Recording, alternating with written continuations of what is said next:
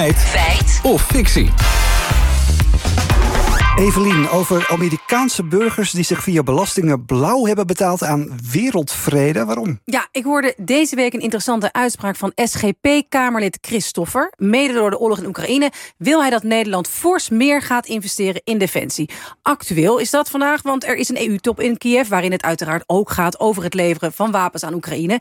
En Stoffer vindt het niet terecht dat Amerikanen nu moeten opdraaien... voor het veilig houden van onder meer Europa. We hebben de afgelopen jaren ontzettend geteerd op de zak van uh, alle mensen uit de Verenigde Staten.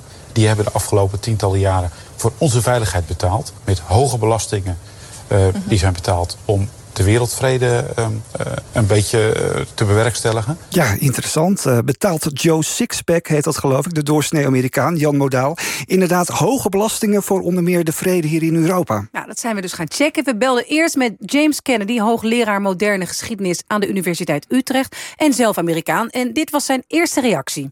De Kamerlid zegt dat Amerikanen hoge belasting betalen en doorgaans betalen ze geen hoge belasting. Amerika heeft veel minder van een verzorgingsstaat, uh, dus, dus Amerikanen zijn niet hoogbelaste uh, mensen.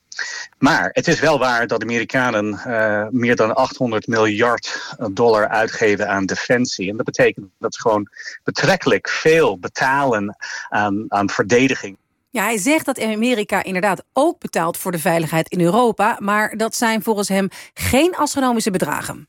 Hoeveel Amerikanen geven aan defensie voor Europa, dan valt dat wel mee. Dat is misschien 5,5% van het totale defensiebudget van de Verenigde Staten. En hij heeft hier ook een rekensom bij gemaakt. Dit zijn cijfers van voor de Oekraïnse oorlog heel grof uh, berekend zou je kunnen uitpluizen dat Amerikanen zo ongeveer 150 dollar per capita uitgeven voor de verdediging van Europa. Als je kijkt naar hun bijdrage voor de NAVO en dergelijke. Oké, dat is duidelijk. En hoe kijken andere experts hiernaar? We legden deze uitspraak van Stoffer ook voor aan Casper Thomas... tot voor kort correspondent in de Verenigde Staten... en nu redacteur bij de Groene Amsterdammer. Hij zegt dat de gemiddelde belastingdruk voor Amerikanen... inderdaad veel lager is dan voor de meeste Europeanen... maar vindt het moeilijk om voor Amerikanen in te schatten... wat nou hoge belasting is. En hij komt nog met een ander interessant inzicht. Maar wat we eigenlijk erbij moeten zeggen is dat Amerika ook enorme bedragen vooral leent om te zorgen dat uh, hun leger inderdaad op peil blijft uh, en de grootste legermacht ter wereld op die manier behouden.